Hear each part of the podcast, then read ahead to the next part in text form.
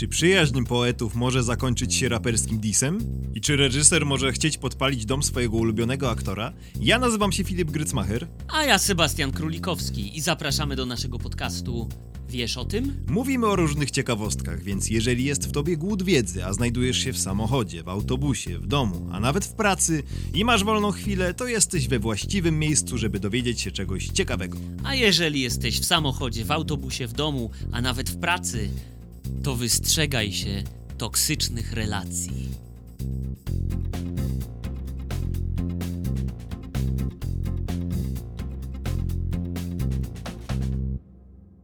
I dzień dobry, dzień dobry, dzień dobry. Dzień dobry, witamy serdecznie. No, święta, święta i już prawie po świętach. Prawie, tak? ale no. mamy jeszcze jeden dzień. Być może się szykujecie gdzieś do jakiegoś wyjazdu, więc możecie nas, nas troszeczkę posłuchać. Tak, już taka końcóweczka świąt. No, do wyjazdu w sensie sylwestrowego, tak mówisz? Nie, no może jeszcze gdzieś ktoś gdzieś jedzie właśnie Aha, zjeść jakiegoś karpika albo jakiś pasztecik albo tak. coś. Jeszcze takie końcóweczki, końcóweczki jedzonka świątecznego. No ta już- końcóweczka jedzonka to pewnie jeszcze zostanie przez tydzień albo przez dwa gdzieś tam w zamrażalniku. Tak, ale no słuchajcie, no święta, e, oczywiście bardzo pozytywny czas, e, szczęśliwy, wesoły, ale, Rodzinny, przyjacielski. ale no właśnie ten rodzinny, przyjacielski czasem też bywa nie tylko słodki, ale też czasem gorzkawy. No czasami tam siedzimy przy tym stole i się pokłócimy o politykę pewnie albo o piłkę nożną. Tak, są pewne takie konflikciki, mniejsze, większe, światopoglądowe i różne takie. No i ta atmosfera przy tym stole świątecznym robi się dosyć taka ciężka, czasami bywa toksyczna. No i właśnie o tym chcielibyśmy wam dzisiaj troszkę opowiedzieć. tak, nie o różnych takiej dziwnych, trudnych, toksycznych relacjach nie rodzinnych, raczej przyjacielskich. wśród takich no, znanych postaci w historii, w kulturze. Artystów, Tak. celebrytów, Tak, w zasadzie, w zasadzie artystów mamy, nie? W zasadzie... wyłącznie Tak, artystów. tak, tak. Trafili nam się artyści tutaj. I no, było tam ciekawie, były różne ciekawe relacje, różne ciekawe przyjaźnie. Było ostro Było, no, naprawdę mocno. i bywa. No to ja sobie pozwolę zacząć. Ale jeszcze, zanim zaczniemy, to namawiamy do subskrybowania, do obserwowania, Instagram, Spotify, YouTube. Słuchajcie, wszędzie, gdzie jesteśmy, to nas tam polubcie, zasubskrybujcie. E, Wam to zajmie dosłownie 3 sekundki, a dla nas to jest taki feedback, że jest spoko. Taki bożonarodzeniowy cud. Tak, taki późniejszy troszeczkę pre prezencik. No to mogę zacząć? No proszę bardzo. No oczywiście. dobra, słuchajcie, to lecimy do słonecznej Kalifornii. Mhm. Lecimy do słonecznej Kalifornii i tam spotykamy pana, który się nazywa Jack Nicholson. O, znamy, znamy. Pewnie większość kojarzy, znany aktor, 12, domis- y, 12 nominacji do Oscara, Trzy Oscary? trzy Oscary, Oscary. wygrane.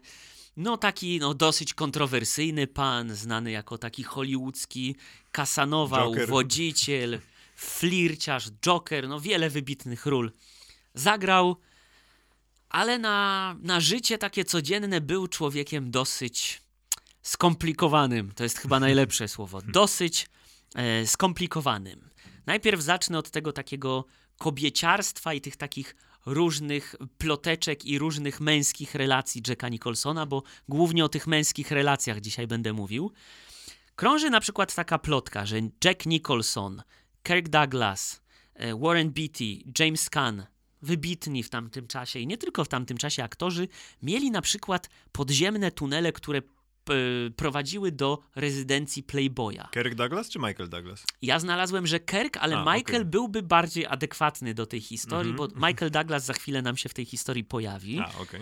Więc panowie mieli rzekomo jakieś podziemne tunele, które prowadziły na te różne schadzki, ale nie do końca jest to jasne i nawet Hugh Hefner, tak, czyli właściciel Playboya, tak się troszkę od tego e, odżegnuje. Mhm. No ale to takie podejście do kobiet i do e, nagości u Nicholsona było dosyć specyficzne. A co z tą nagością? On twierdzi, że w latach 60.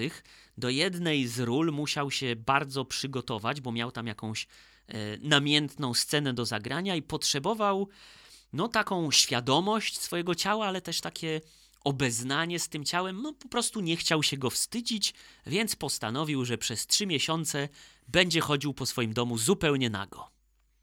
Tak Mhm. też zrobił. E, Ale Powiedział, mieszkał sam w sensie wtedy? no zaraz do tego dojdę. A, Okej. E, Powiedział, że e, no tam zdecydowałem się, to jest wywiad z Playboya z tamtych lat. em, Zdecydowałem, że nie będę niczego na siebie zakładał. Żyłem w swoim domu jak nudysta. Było lato, było gorąco, więc w ogóle nie było em, problemu. No i w ogóle nie przeszkadzało mi, nieważne kto do mnie wpadał. No i Playboy zapytał, a kto do ciebie wpadał? No on mówi, między innymi Roger Corman, to był taki reżyser i producent hollywoodzki, taki głównie znany z filmów klasy B. No i on przy nim sobie siedział właśnie, jak go Pan Bóg stworzył na Golasa. Mówi, no, że córki niekoniecznie to lubiły. No więc Playboy zapytał, czy on chodził po tym domu sam, czy inni goście dołączali do niego. Na przykład powiedział, że taki aktor Harry Dean e, Stanton po prostu to uwielbiał. Że nie mógł się doczekać, kiedy wejdzie do jego domu i po prostu będzie goły, no i się rozbierze. No i ta nagość albo półnagość czasami była taka dla ludzi bardzo mało komfortowa. No i tutaj mam taki fragment z biografii Michaela Douglasa, autorstwa Marka Eliota. Michael Douglas miał żonę Diandre Luker, która była córką austriackiego dyplomaty. No, wychowywała się w tym świecie właśnie dyplomatów, Eleganckim. eleganckim i tak dalej. No i tutaj jest taki cytat. Małżeństwo było dla obojga nowym doświadczeniem. Diandra spędziła swoje amerykańskie życie w Georgia, y, Georgetown. To jest dzielnica Waszyngtonu właśnie słynna, historyczna, dyplomaci i tak dalej. Nie była więc przyzwyczajona, gdy w czasie, gdy usiłowała się uczyć, po mieszkaniu chodził uśmiechnięty Jack Nicholson, najczęściej półnagi i cały mokry po wyjściu z basenu, albo zaczepiał ją z końskim uśmiechem i zalotnymi oczkami Warren Beatty, czyli kolejny z tych amerykańskich aktorów popularnych w tamtym czasie. Mhm. No i tutaj bym przeszedł z tego Nicholsona, który lubił tę nagość, czy też półnagość, na plan filmu Chinatown w reżyserii Romana Polańskiego. Mhm, tak, tak. Ale zanim dojdę do tego Nicholsona, chciałbym chwilkę powiedzieć o takiej atmosferze, która panowała na planie. Ta atmosfera była dosyć ciężka i dziwna. Faye Dunaway, Na która planie Chinatown. Chinatown. Mhm. Faye Dunaway, która grała w tym filmie, na przykład miała kilkukrotnie kręcić scenę, no i po prostu po ludzku zachciało jej się siku. Ale Roman Polański nie za bardzo pozwalał jej na wyjście do toalety, bo chciał wciąż kręcić kolejne ujęcia. I ona rzekomo w którymś momencie nasikała po prostu do filiżanki, a potem chlusnęła tym moczem w twarz Polańskiego. Wow. Nie wiem, czy to jest prawda, takie coś znalazłem. Taka historia krąży, Taka tak? Historia. Hollywood. Mhm. No i tu Nieźle. ta y, gruba już atmosfera podkręca się w momencie, kiedy Jack Nicholson postanawia obejrzeć mecz Lakersów. On jest wielkim fanem koszykówki, Tak, tak, tak. kocha Lakersów. No i on po prostu zniknął gdzieś z tego planu. No i Polański zaczął go szukać. No więc ym, zapytał się w którymś momencie swojego asystenta, gdzie jest Nicholson. Ten mu powiedział, że ogląda mecz i że nie przyjdzie kręcić tego filmu, bo ogląda mecz. No więc Polański, tutaj mam taki cytacik, powiedział: Chwyciłem mopa i wbiegłem do przyczepy Jacka, żeby rozbić telewizor, ale nie miałem wystarczająco dużo miejsca, a to cholerstwo się nie zepsuło, więc złapałem telewizor i wyrzuciłem go do przyczepy. Z przyczepy, przyczepy. Mhm. sorki. Tak, tak, tak. tak, no i teraz wejdę. Tutaj mam taką książkę The Big Goodbye, Chinatown and the Last Years of Hollywood. No i tu jest taka dosłowna jakby transkrypcja tej rozmowy, jak ona potem wyglądała, a raczej tej sytuacji, która się zdarzyła po. No więc mamy już ten wyrzucony telewizor. Nicholson się zdenerwował i tu cytuję: zaczął rzucać w Polańskiego kapeluszem, butami, krawatem. Potem zdjął też spodnie, też nimi rzucił w Polańskiego. Potem marynarką, potem koszulą i został w samych gaciach. Więc Roman Polański wedle tej książki się podobno zdenerwował i też zaczął rzucać w Nicholsona swoimi ubraniami. Więc stali tak po prostu w samych gaciach i w którymś momencie Nicholson po prostu wskoczył do swojego samochodu i uciekł z planu. A Polański, też w tych gaciach, wskoczył do drugiego samochodu i zaczął go gonić. I po kilku minutach spotkali się na czerwonym świetle e, gdzieś tam w okolicy Sunset Boulevard. E, Nicholson w swoim Volkswagenie, Polański w swoim Mercedesie i zaczęli się do siebie uśmiechać, obydwoje siedząc tam po prostu w gaciach. No, więc to niezła, niezła historia. e, tak to wyglądało, ta cała sytuacja. No i podobno, nie wiem czy to było w ramach zemsty, czy to było zaplanowane, ale tam jest w Chinatown, jeżeli ktoś oglądał, taka scena, gdzie podchodzi do Nicholsona bandyta, którego gra Roman Polański, wyjmuje nóż, wsadza ten nóż do nosa i przecina nozdrze. Dosyć mocna scena. Mhm. No i tutaj y, podobno Roman Polański zdecydował się na to, y, że no, po pierwsze sam zagra tę scenę, po drugie zamiast używać rekwizytu, użył specjalnie zaprojektowanego noża, który złożyłby się, gdyby przesunął go w prawo, ale jakby odwrócił ostrze, to mógłby w ogóle rozciąć ten no nos albo go uciąć. No i tam jest podobno dosyć mocno widoczny prawdziwy strach Jacka Nicholsona, który autentycznie się bał jakiejś zemsty za całą tę awanturę, ale może to jest tylko taka mm, anegdotka. Fakt faktem jest ta scena z nożem i potem... A to ciekawe, bo ja słyszałem, e, że Nicholson właśnie lubił później takie różne niezapowiedziane improwizacje na planach filmowych. To na planie infiltracji podobno jest tam taka scena, co Nicholson y, tak jakby przesłuchuje DiCaprio. I, Mhm. I tam mówi, że wie, że ma, mają kreta tutaj w mafii. Tam robi te takie te miny, miny takie kreta Typowe. z zębami i tak dalej, nie?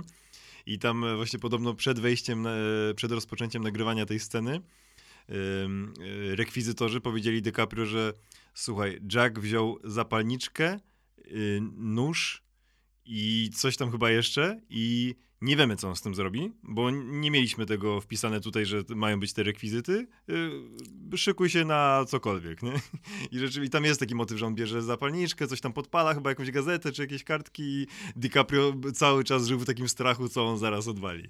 Mhm. Także no Nicholson też widać, może mu zostało to po tym Polańskim właśnie. Może tak, takie impro prawdziwe aktorskie. Mhm. No więc tak mniej więcej rysowała się ta relacja między innymi z Michaelem Douglasem, z Romanem Polańskim, ale była też bardzo specyficzna relacja Jacka Nicholso- Nicholsona z Marlonem Brando. Obydwaj e, legendy, sąsiedzi, którzy mieszkali koło siebie na Mulholland Drive. Obok nich mieszkał również ten wspomniany już wcześniej, niestety trochę zapomniany e, Warren Beatty, który grał między innymi e, Clyda w Bonnie i Clyde. No i oni mieszkali koło siebie blisko, byli sąsiadami, imprezowali i nawet podobno ta ich ulica, jest zresztą taka książka Bad Boy Drive. Tak nazwali to miejsce z powodu ich hucznych imprez. No i na przykład y, rzekomo Brando któregoś dnia wezwał policję, tak, na Nicholsona, który zrobił podobno zbyt dużą, zbyt huczną imprezę. Podobno Nicholson dzielił się kiedyś trawką z synem Brando, a ten go potem obwiniał za problemy z narkotykami własnego syna. Mhm. Panowie zagrali razem w takim filmie The Missouri Breaks, to chyba było przetłumaczone jako Przełomy Missouri. To był western. No i na początku bardzo się cieszyli, że ze sobą razem pracują. No ale w którymś momencie na przykład Jack Nicholson zaczął krytykować metodę aktorską Brando i mówił Marlon wciąż jest największym aktorem na świecie, po co mu te cholerne karteczki? Bo Brando miał taką dziwną metodę, że nie uczył się tekstu, tylko wszędzie miał karteczki z tekstem, rzekomo, żeby go lepiej mówić, trochę improwizować, żeby to wszystko było takie spontaniczne. E, Słyszałem nawet kiedyś taką anegdotę, że podobno potrafił partnerowi przyklejać na czole tekst O, i czytać to z e, czoła. no nie to wiem, czy to rzeczywiście taka mogło być problematyczne ploteczka, czy nie. Mhm. No i atmosfera na planie tego filmu też się robiła coraz bardziej toksyczna, bo e, Brando coś tam gmerał przy scenariuszu, e, mm, gmerał trochę przy reżyserii i kłócił się z Arturem Penem, który był reżyserem tego filmu. Ubzdurał sobie na przykład, że jego postać ma mieć irlandzki akcent, co podobno w ogóle było bez sensu. Kombinował coś przy roli Nicholsona bez jego wiedzy, więc tam robiło się grubo. W którymś momencie, nawet promując film, powiedział Brando o Nicholsonie: Właściwie to nie sądzę, żeby Jack Nicholson był tak dobry. Na przykład nie jest tak dobry jak Robert De Niro.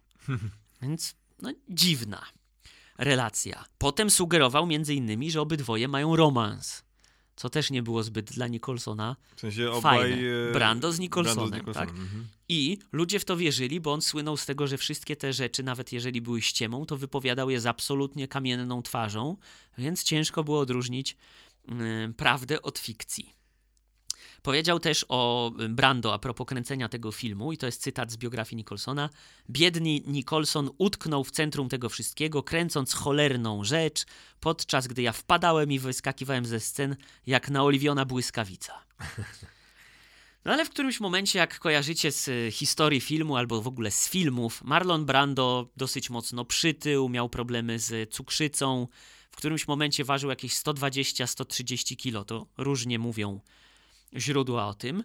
No i na przykład próbował kontrolować swoje jedzenie przez założenie dosłownie kłódki na swoją własną lodówkę. No ale tak go ssało, że nie wytrzymywał i zakradał się wtedy do domu Nicholsona i wykradał mu jedzenie z lodówki.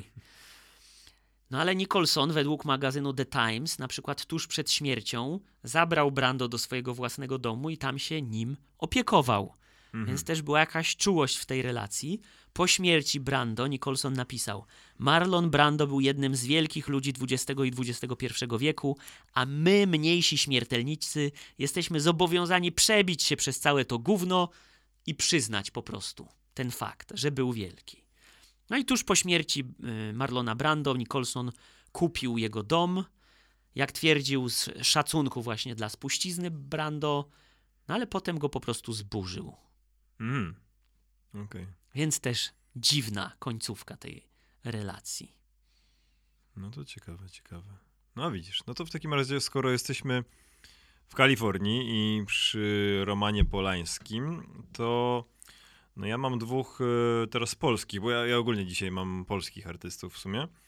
Mm, Dwóch artystów e, z Polski, którzy też wyjechali do Los Angeles, e, właśnie związani z Romanem Polańskim, bliscy przyjaciele tak naprawdę.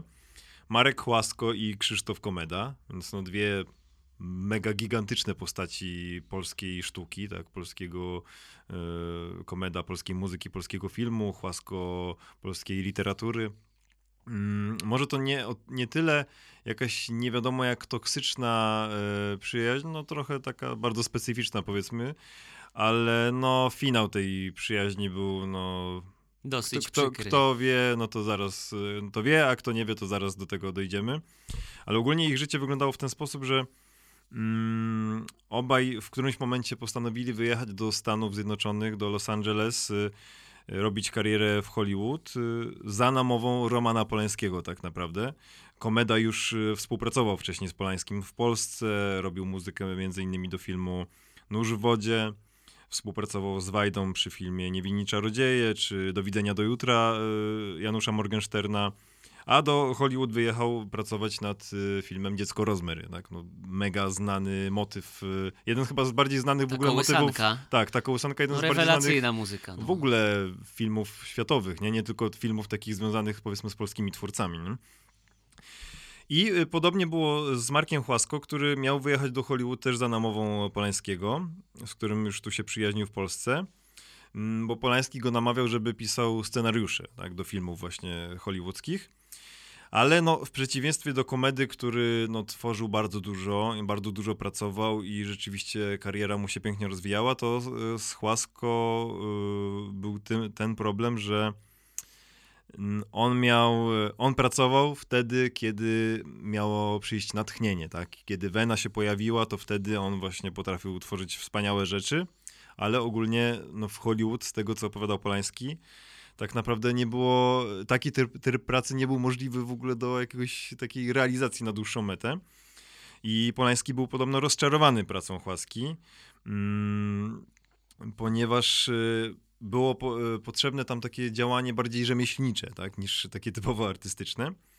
I Chłasko, przez to, że ta kariera mu się tam tak nie rozkręcała, jak tego oczekiwał, mm, czuł się w pewien sposób odrzucony przez Polańskiego. Wręcz nawet padały słowa, że był zdradzony przez y, reżysera, no bo przecież no, wyjechał do Stanów, y, do Hollywood, żeby robić wielką karierę, tak jak i on, i, i Polański, i Komeda też już, tak? No i y, przez to, że nie miał y, nie przebijał się w tych, y, powiedzmy, sferach artystycznych, no to przebijał się bardziej w sferach takich imprezowych, towarzyskich. I z tego też zresztą no, w dużej mierze słynął, poza wybitną twórczością literacką. A imprezowo właśnie w bardzo dużej mierze w towarzystwie Krzysztofa Komedy, tak? bo byli takimi właśnie bliskimi przyjaciółmi, którzy sporo naprawdę lubili imprezować i, i przyjąć spore ilości różnych e, rzeczy.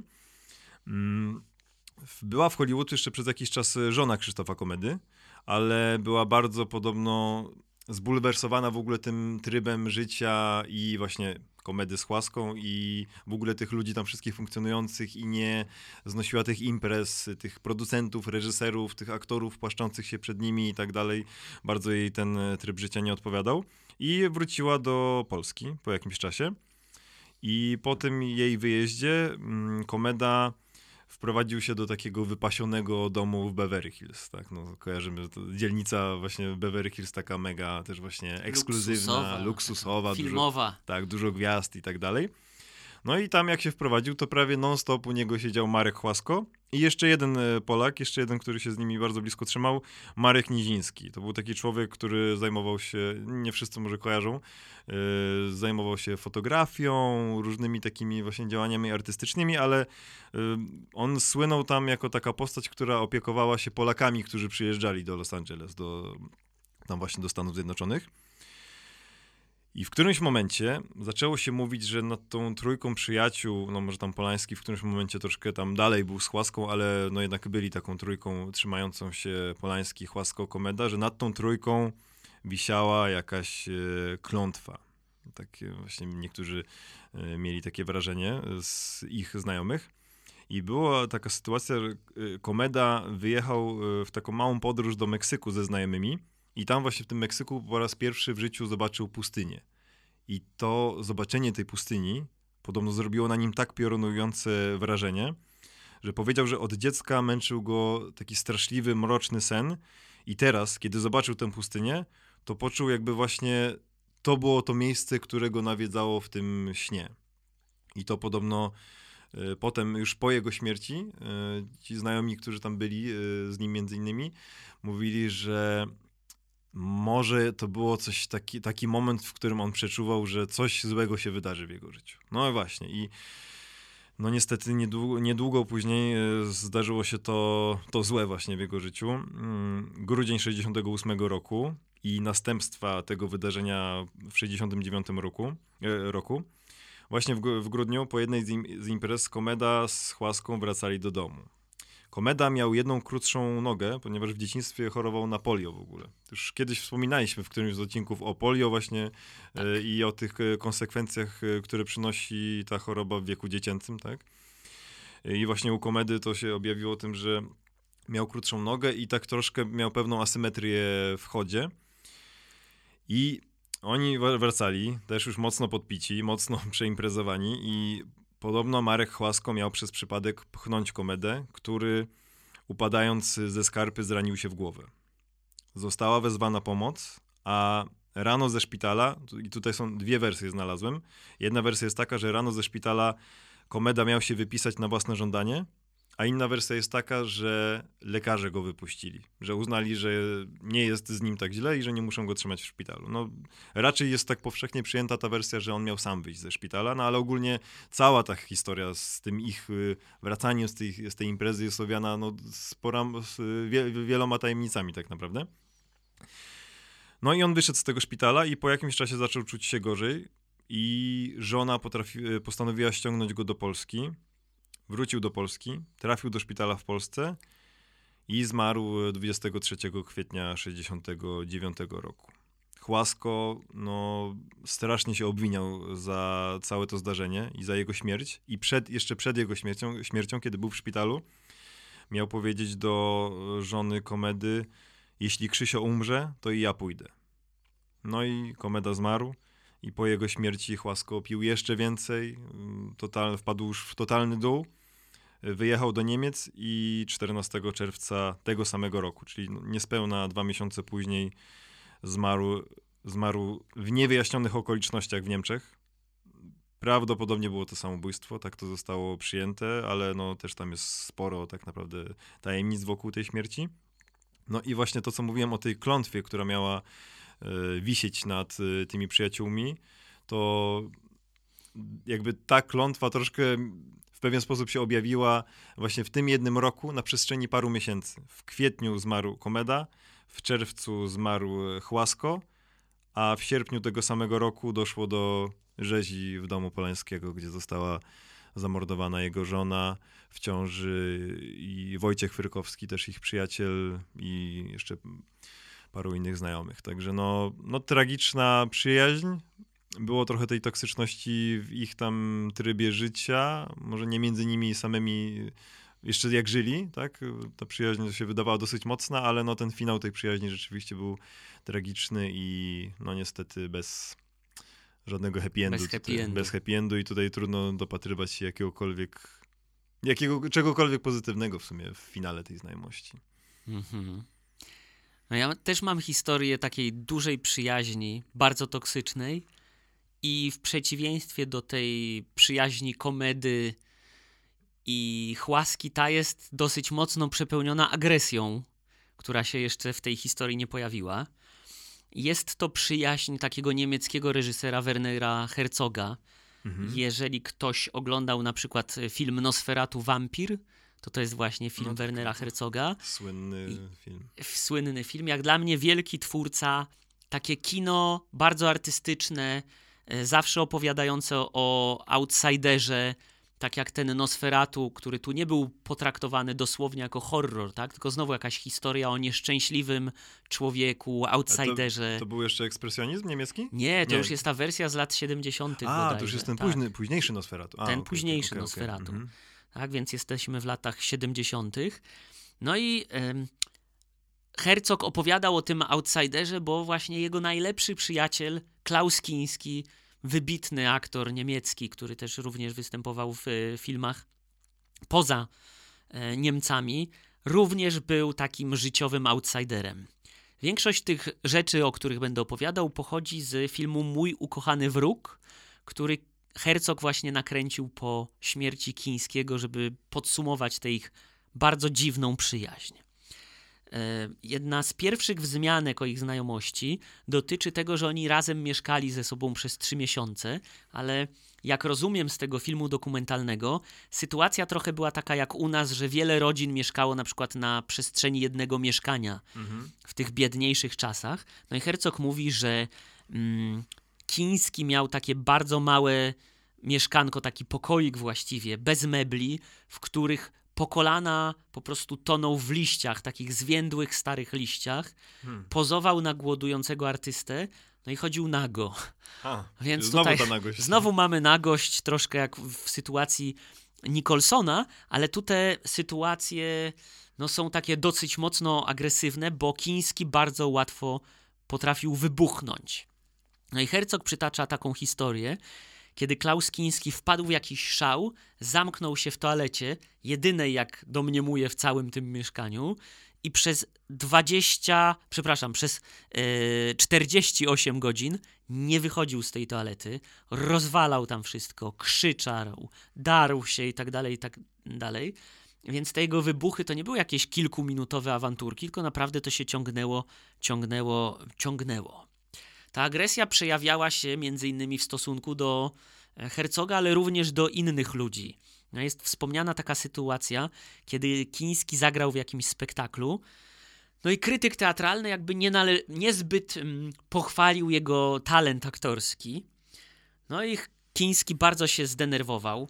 Zaczął tego krytyka obrzucać ziemniakami, sztućcami i w takim napadzie furii krzyczał: Ja nie byłem wyjątkowy, nie byłem nadzwyczajny, ja byłem monumentalny, byłem epokowy. No i to trochę pokazuje, jak bardzo on wierzył w swój autors- aktorski geniusz. No i faktycznie na przestrzeni całego tego filmu dokumentalnego widać, jak Kiński po prostu obsesyjnie wierzył w taką swoją aktorską maestrię. Em, Kiński nie do końca a raczej Herzog nie do końca spodziewał się, że oni w ogóle będą pracować razem, bo on był dosyć młodym reżyserem, a Kiński miał już wtedy za sobą dosyć długą karierę aktorską. No i mówi, że wysłał mu scenariusz ich pierwszego filmu Agirre Gniew Boży. No i czekał, jak to reżyser, na odpowiedź wielkiego aktora. Dostał w nocy telefon. I przez pół godziny Kiński darł się do słuchawki, a chodziło tylko o to, że on bierze tę rolę. Tak? Ale nie potrafił powiedzieć, hej stary, biorę tę rolę, po prostu darł się przez pół godziny i krzyczał. No i mm, przyjechał na plan tego filmu, który kręcony był w Peru. Warunki nie były zbyt przyjazne, dżungla, deszcze, no po prostu dosyć ciężka sytuacja. A on przyjechał tam z, jako aktor, który grał w takim spektaklu Jezus Chrystus Zbawiciel. Są nagrania tego spektaklu, możecie to zobaczyć na YouTubie.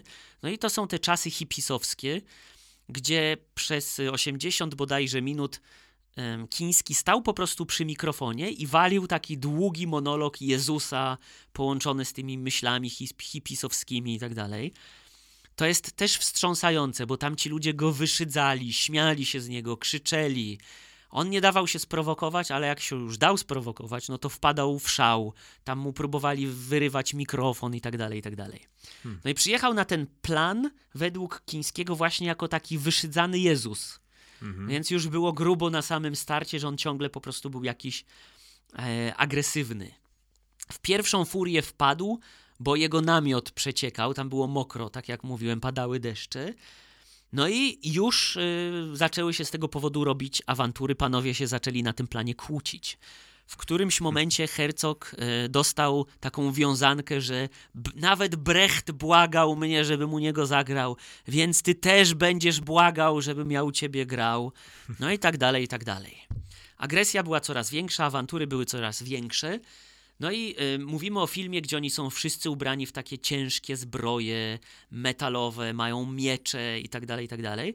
No jest tam nagrywana taka scena walki i w, a, w jakimś takim napadzie, w ataku szału Kiński zdzielił innego aktora mieczem w głowę, ale tak naprawdę takim prawdziwym mieczem.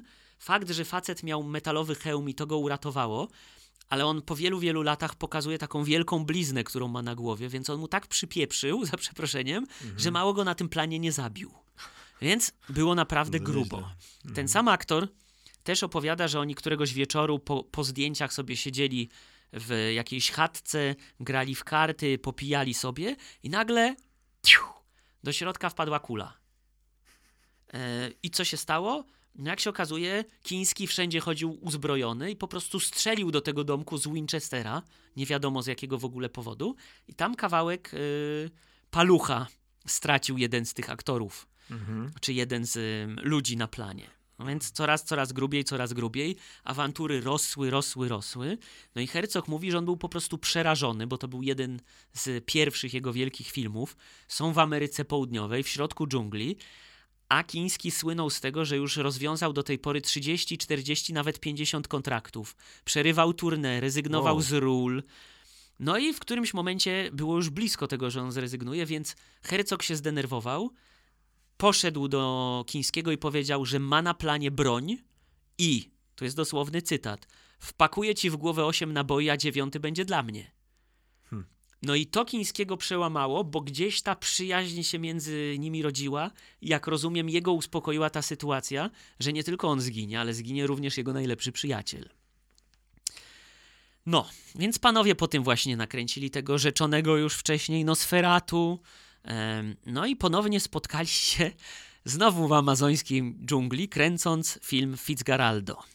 No i ten film opowiada o znowu outsiderze, który wpada na pomysł, że w środku amazońskiej dżungli wybuduje operę. No i jest tam kilka takich słynnych już scen, między innymi on, żeby tę operę gdzieś założyć, musi przepłynąć gdzieś jakąś jedną rzeką, a potem przenieść statek do innej rzeki przez górę.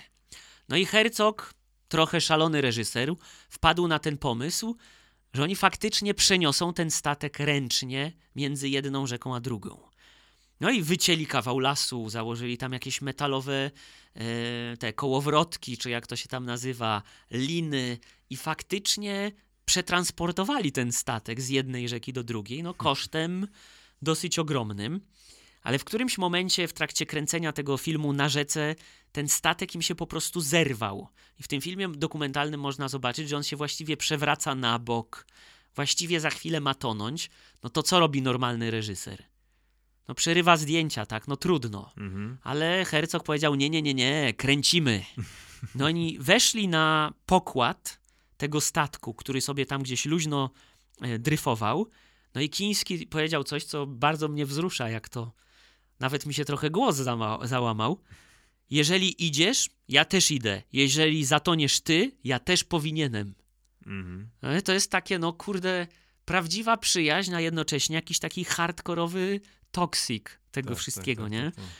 Tym statkiem tam wierzgało. Operatorowi wypadła soczewka w ogóle z kamery. Rozcięła komuś dłoń na pół. Tam jest takie ujęcie jak ten Kiński, ten wariat, który tam krzyczał i tak dalej, nagle podbiega do tego kolesia i zaczyna mu opatro- opatrywać rękę. Nagle się pojawia jakaś taka niesamowita e, czułość i wrażliwość w tym, w tym człowieku. No i w trakcie tego filmu Indianie, a raczej rdzenni Amerykanie, którzy tam żyli w tych e, plemionach, bo oni też również brali udział w tym filmie, byli po prostu już tak zmęczeni tym kińskim. W filmie można zobaczyć, jak on chodzi i za przeproszeniem drze tam mordę na wszystkich i dyktuje, że jedzenie jest słabe i tak dalej. Oni byli po prostu przerażeni tym człowiekiem. Nie byli przyzwyczajeni do tak wielkiej agresji, ale podobno bardziej byli przerażeni hercogiem, który w ogóle na to nie reagował Mhm. I był taki cichy, spokojny. No ale no, w którymś momencie już byli tak po prostu wy, wycieńczeni całą tą sytuacją, że przyszli do hercoga i powiedzieli: Stary, jak chcesz, to my go dla ciebie zabijemy. Jakby jesteśmy w dżungli, nikt się nie kapnie, po prostu go zabijemy i tyle. Mhm. I to brzmi jak anegdotka, ale to była prawdziwa propozycja, jak Mhm. mówi Herzog. Oni naprawdę e, cholernie tego chińskiego em, nienawidzili. No ja tak, jak tak mówiłem, em, on był bardzo wrażliwy również. I Herzog mówi, że miał w sobie takie ciepło, które jak na pstryknięcie zamieniało się we wściekłość. To było po prostu nie, nie do opanowania. Jedna z też z takich awantur polegała mm, na tym, e, że w tej dżungli całej Kiński był bardzo zły, bo jego kawa była letnia. Mhm. A tam nie było właściwie już nic do jedzenia. I on się darł, darł, darł, darł, darł. No i Herzog nie wiedział w ogóle, jak go uspokoić i sobie przypomniał, że ma kawałek czekolady gdzieś tam w swoim namiocie. No i wpadł na taki pomysł, że wziął tę czekoladę, stanął przed Kińskim, który się na niego darł, wsadził sobie tę czekoladę do ust i zaczął ją przeżuwać i Kiński po prostu zbaraniał, że ktoś ma czekoladę i się uspokoił. Więc dosyć dziwna metoda na No, uspokojenie bardzo swojego dziwne. kolegi, nie? Mhm. No ale on po prostu musiał być w centrum uwagi. Jak nie był w centrum uwagi, to był chory. Mhm. No i tu też jest anegdota z tego planu, że jednego z tych aktorów, którzy tam grali, udziabał wąż. I było już wiadomo, że to jest koniec życia. To jest silna trucizna, parę sekund po typie. I on w jakiejś szale złapał y, piłę, odciął sobie nogę w przeciągu kilku sekund i ta trucizna nie poszła mu do serca. Więc wszyscy odetchnęli z ulgą Wow. i byli w szoku w ogóle, że to się zdarzyło. Ale Kiński się zdenerwował, bo wszyscy zaczęli zwracać uwagę na tego kolesia, a nie na niego, więc znowu zrobił awanturę, że no, nie jest y, w centrum uwagi. Mhm. Sytuacja bardzo mocno toksyczna. Tak jak mówiłem, już była nawet ta propozycja od y, am, tam rdzennych Amerykanów, żeby, żeby go zabić. No i w którymś momencie Herzog mówi, że on faktycznie to planował zrobić. Mówi to w dokumencie, znalazłem to też w y, innych źródłach, między innymi w Guardianie, że on poszedł podpalić dom, w którym mieszkał Kiński i gdyby pies Kińskiego go nie zaatakował, to on by go naprawdę tam podpalił. Wow, no to naprawdę bardzo toksyczna. Bardzo Przyjaźń. toksyczna. A mimo to panowie, a raczej e, Werner Herzog stwierdził, że bardzo dobrze im się pracowało razem ze sobą. No i taki ostatni film, jaki nagrali, to był film Cobra Verde w 1987 roku. No i tam jest taka, jak dla mnie, wstrząsająca ostatnia scena, jak Klaus Kiński próbuje wciągnąć taką łódź do oceanu albo do morza i on się tam przewraca, wywraca, tonie, siłuje się z tą łodzią, nie może jej zrobić, nie może jej tam wciągnąć. No i mm, stwierdzili, że to był koniec, że jakby to wszystko, co było między nimi jako ym, relacja między aktorem a reżyserem się wypaliło Mhm. I ym, Kiński powiedział również takie dosyć mocno wzruszające dla mnie słowa: Dalej nie możemy tego robić, bo mnie już nie ma. I to był ich ostatni wspólny film. Zrobili razem pięć: Agirre, Gniew Boży, Nosferatu, Wampir, Wojcek, Fitzgeraldo i Cobra Verde. No i w, oś, w 91 roku e, Klaus Kiński umarł. Werner Herzog żyje do dziś, tworzy głównie dokumenty. Żyje jeszcze? Żyje, tworzy nieźle. dokumenty. Jego dokument chyba z zeszłego roku jest dostępny na Apple TV Hmm. na przykład. E, o wulkana, nie o wulkanach, przepraszam, o meteorytach. Mhm. E, Jeden z jego filmów Inferno jest dostępny na przykład na Netflixie, więc on się zajmuje teraz głównie dokumentami. No i w 99 bodajże nakręcił właśnie e, dokument o ich relacji, który się nazywa Mój ukochany wróg. Hmm. Piękny tytuł, Bardzo ładny tytuł. piękna no. historia, szalona w cholerę po No. prostu. Prawda, prawda. No widzisz, ja mam y, jeszcze historię też y, no bardzo, bardzo, no myślę, że dosyć też toksycznej przyjaźni. Tak jak mówiłem, dzisiaj mam polskich artystów, dwóch y, wybitnych, ko- kolejni dwaj tacy powiedzmy z giganci polskiej sztuki. Jedni z najwybitniejszych y, polskich y, poetów dwudziestowiecznych i w ogóle jedni z najwybitniejszych polskich poetów. Czesław Miłosz i Zbigniew Herbert. No to wybitni poeci. tak, tak. Halo, wybitni poeci. Tak, także no tacy naprawdę no postaci, tak jak mówiłem, gigantyczne, jeśli chodzi o polską kulturę. Mm, Poznali się pod koniec lat 50. we Francji. W, był to rok bodajże 58. Dla Herberta był to w ogóle pierwszy wyjazd y, na zachód. I bardzo szybko stali się przyjaciółmi. Rzeczywiście gdzieś tam no, ta nić między nimi porozumienia bardzo szybko się pojawiła. I była to na początku i w ogóle przez długi czas taka relacja trochę mistrz, uczeń, może bardziej młodszy kolega, coś takiego, bo Miłosz był e, starszy 13 lat od Herberta. I w zasadzie od początku tej znajomości zaczęli ze sobą korespondować, tak? Zaczęli pisać listy. To w ogóle, no kiedyś to było, było jakiś romantyzm rzeczywiście w tym, że ludzie po, porozumiewali się ze sobą, tak? Trzymali kontakt poprzez listy, tak? No nie było możliwości... e, Co tam, lol, xd. tak, pisać SMS-ów czy maili nawet, nie? Tylko no rzeczywiście te listy były. No jeszcze jak artyści do siebie pisali, tak, poeci, no to to już w ogóle miało taki charakter bardzo literacki. Zresztą No to, są- to są wydawane książki, tak, nie? to Na są podstawie tych wydawane wszystkich listów. te, te listy jako książki, no właśnie. Mm, I oni właśnie w tych listach wymieniali się poglądami, wierszami, właśnie swoimi, wchodzili w różnego rodzaju spory i to było też takie y, piękne w tej znajomości, że nie było jakieś takie na, wiesz, na takim niskim poziomie, jakieś takie, no powiedzmy, tylko takie rzucanie jakimiś e, potoczny, jakimś takim potocznym językiem, czy takimi przekleństwami do siebie i tak dalej. Tylko oni pisali do siebie kolego, drogi Herbercie, drogi Zbyszku i, i, i tym podobne. I prosili się o swoje fotografie, tak? Że na przykład Herbert pisał do Miłosza e, na przykład tęsknię po męsku, to znaczy sucho i gwałtownie za twoim domem, domem, tobą, shish kebabami, naszymi nocnymi włóczęgami. Tak, także właśnie tak rzeczywiście e, żona e, Herberta zwłaszcza chyba opisywała tę ich relację, że oni tak naprawdę jakby darzyli się rzeczywiście uczuciem, że to nie była po prostu przyjaźń, ale nawet Herbert y, pisał do y, Mi- Miłosza, że to jest y, miłość tak naprawdę, że to jest y, taka, no trudno to nazwać, taka miłość artystyczna powiedzmy, tak, że tak rzeczywiście dwóch po prostu... Braterstwo dusz. Tak, no, co, coś powiedzmy na, na tej zasadzie. I e, Herbert, właśnie bardzo często Herbert podkreślał e, wagę tej postaci Miłosza w jego życiu. Pisał do niego na przykład taki cytat: Uczę się na tobie, ale jestem dość tępy. Także właśnie tak cały czas podkreślał ten jego, jak rzeczywiście w tej relacji, taki trochę pozycję mistrzowską, rzeczywiście w pewien sposób. No i y, ważnym też takim punktem, w, zwłaszcza dla Herberta, było to, że Mm, Miłosz y, tłumaczył jego wiersze na angielski i y, pomógł w wydaniu tych wierszy w Stanach Zjednoczonych i to bardzo mocno umocniło pozycję Herberta jako poety, takiego już międzynarodowego, tak, już właśnie w tym kręgu takim anglojęzycznym. I, a z kolei Miłosza, dla Miłosza to było takie po, po już po jakimś czasie nie do końca korzystne, bo on był postrzegany w dużej mierze jako tłumacz, tak? Czyli już tak nie jako po prostu ten poeta, tak, pisarz, tylko bardziej jako właśnie, że tłumaczy te dzieła Herberta, więc było to trochę tak kosztem swojego interesu. No i później ta przyjaźń już gdzieś tam zaczęła się rozjeżdżać, bo pojawił się, pojawiał się coraz większy konflikt i coraz większe takie, powiedzmy, coraz, coraz większy spór natury światopoglądowej. I w 1994 roku Herbert y, udzielił takiego wywiadu, w, którym powiedział, że pod koniec lat 60.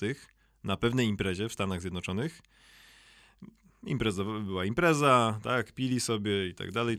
Się... Jack Nicholson gdzieś tam chodził pewnie w tle. Bardzo możliwe, bo to tam podobne czasy. 68 y, rok to było około, więc to też tam no, nie, niewykluczone, że gdzieś tam Chłasko czy Komeda się mogli pojawić. No i Podobno, to jest, y, to Herbert tak powiedział, że Miłosz miał krytykować powstanie warszawskie, co bardzo się nie spodobało Herbertowi, a co gorsza, miał powiedzieć y, tak prowokacyjnie, że Polskę powinno się przyłączyć do Związku Radzieckiego, żeby stała się jedną z republik radzieckich. No i Herberta to wzburzyło i yy, Miłosz miał to powiedzieć przy innych ludziach, przy Amerykanach też między innymi, którzy podobno mieli zareagować bardzo pozytywnie na ten, ten tekst o tym Związku Radzieckim. No i Herbert podobno wtedy wstał i os ostro tam zrugał, zbeształ Miłosza tak naprawdę konkretnie. Nie ma, e, in, in, nikt inny nie e, mówił o tej sytuacji w taki sposób. Jest to, to tylko opinia Herberta na tę sytuację. Miłosz się tego wypierał. E, inni świadkowie nie opisywali tego w taki sposób. Ale Y, żona Herberta opowiadała po, po latach, że rzeczywiście, kiedy Herbert wrócił wtedy do Polski pod koniec lat 60., to był, mówił jej o takiej sytuacji i było mu strasznie przykro, że tak jakby czuł, że gdzieś tam rzeczywiście w pewien sposób stracił tego przyjaciela, czy ten nawet ten autorytet. E, a po tym wywiadzie właśnie w 1994 roku, w którym Herbert opisał tę sytuację, Miłosz y, odpowiedział takim oświadczeniem w różnych gazetach, w którym zaznaczył, że były to wyjątkowo złośliwe pomówienia i że w ogóle to jest jakiś wymysł Herberta. No i rzeczywiście ta przyjaźń już y, w tym momencie bardzo mocno osłabła i podobno od tego zdarzenia do właśnie tak mniej więcej lat 90. wymienili ze sobą już tam kilka, kilkanaście listów, gdzie no, oni rocznie tych listów wymieniali ze sobą bardzo dużo. I yy, dalej ta, e, ten spór trwał tak bardzo literacko, bo w którymś momencie Miłosz e, e, wydał książkę Rok Myśliwego i zarzucił w niej Herbertowi nacjonalizm, co też wzburzyło Herberta i Herbert postanowił przywalić Miłoszowi wierszem. I odpowiedział mu bardzo krytycznym wierszem, takim właśnie w stronę Miłosza, w którym bardzo mocno rzeczywiście go skrytykował, zdyskredytował. I to było tak trochę jak, jak, jak, raperzy, nie? Tak między sobą tam Tedę speją, tak? Czy jakieś takie te, tego typu różne rzeczywiście walki, takie publiczne już. No i to już był podobno taki ostateczny koniec przyjaźni, że to już y, ten konflikt już tak rzeczywiście się tak mocno zaognił. I, ale pomimo tego, pomimo tego, że byli już w takim konflikcie i że już tak naprawdę praktycznie ze sobą nie utrzymywali kontaktu, to podobno Herbert y, powiedział o Miłoszu już w tamtym czasie, że nauczyłem się od niego wiele, zachowałem o tych czasach najlepsze i najbardziej czułe wspomnienia.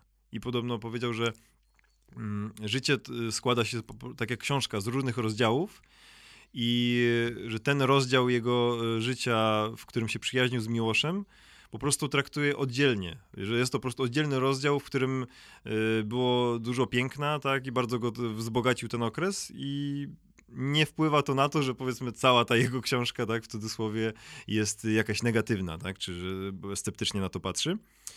I dwa miesiące przed śmiercią Herberta y, zadzwonił do niego Miłosz i rozmawiali ze sobą bardzo serdecznie, przyjaźnie, tak po prostu jak starzy przyjaciele, tacy starzy kumple. Y, śmiali się, tak jakby y, nic się nie wydarzyło, jakby nie było żadnych zadry, nie było żadnego konfliktu między nimi.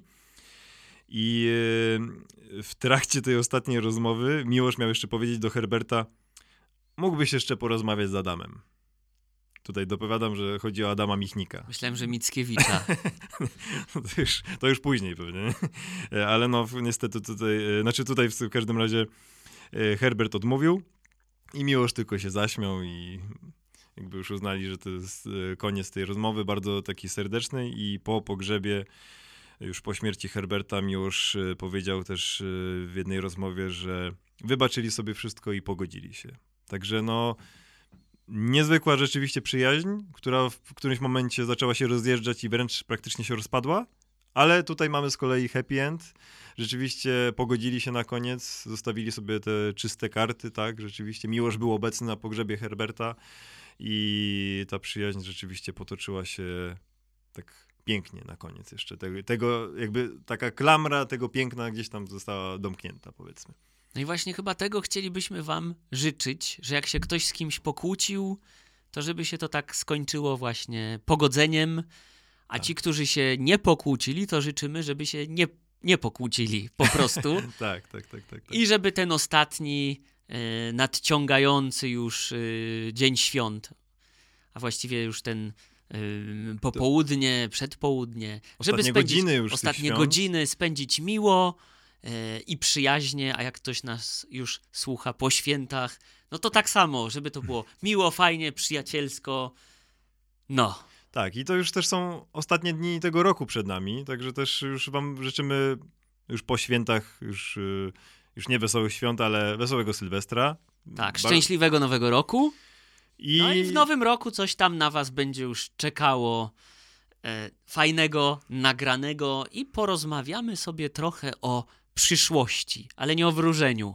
Nie, nie, nie, nie. O wróżeniu Nie już wróżeniu, było. O wróżeniu tak. było, odsyłamy do wcześniejszego odcinka o Tak, wróżeniu. trochę porozmawiamy o technologii. Dokładnie tak. Także dziękujemy Wam serdecznie i jeszcze raz przypominamy o subskrybowaniu, obserwowaniu Spotify, YouTube, Instagram, Apple Podcast, wszędzie, wszędzie, wszędzie. Tak, a jak wam się podoba jakiś odcinek, to też możecie to przesyłać znajomym, udostępniać i Dokładnie. działamy. Dziękujemy Wam pięknie. I do zobaczenia za rok. Tak. Do usłyszenia za rok. Kończymy ten rok no całkiem optymistycznie I dziękujemy, że jesteście. i do usłyszenia. Dzięki wielkie.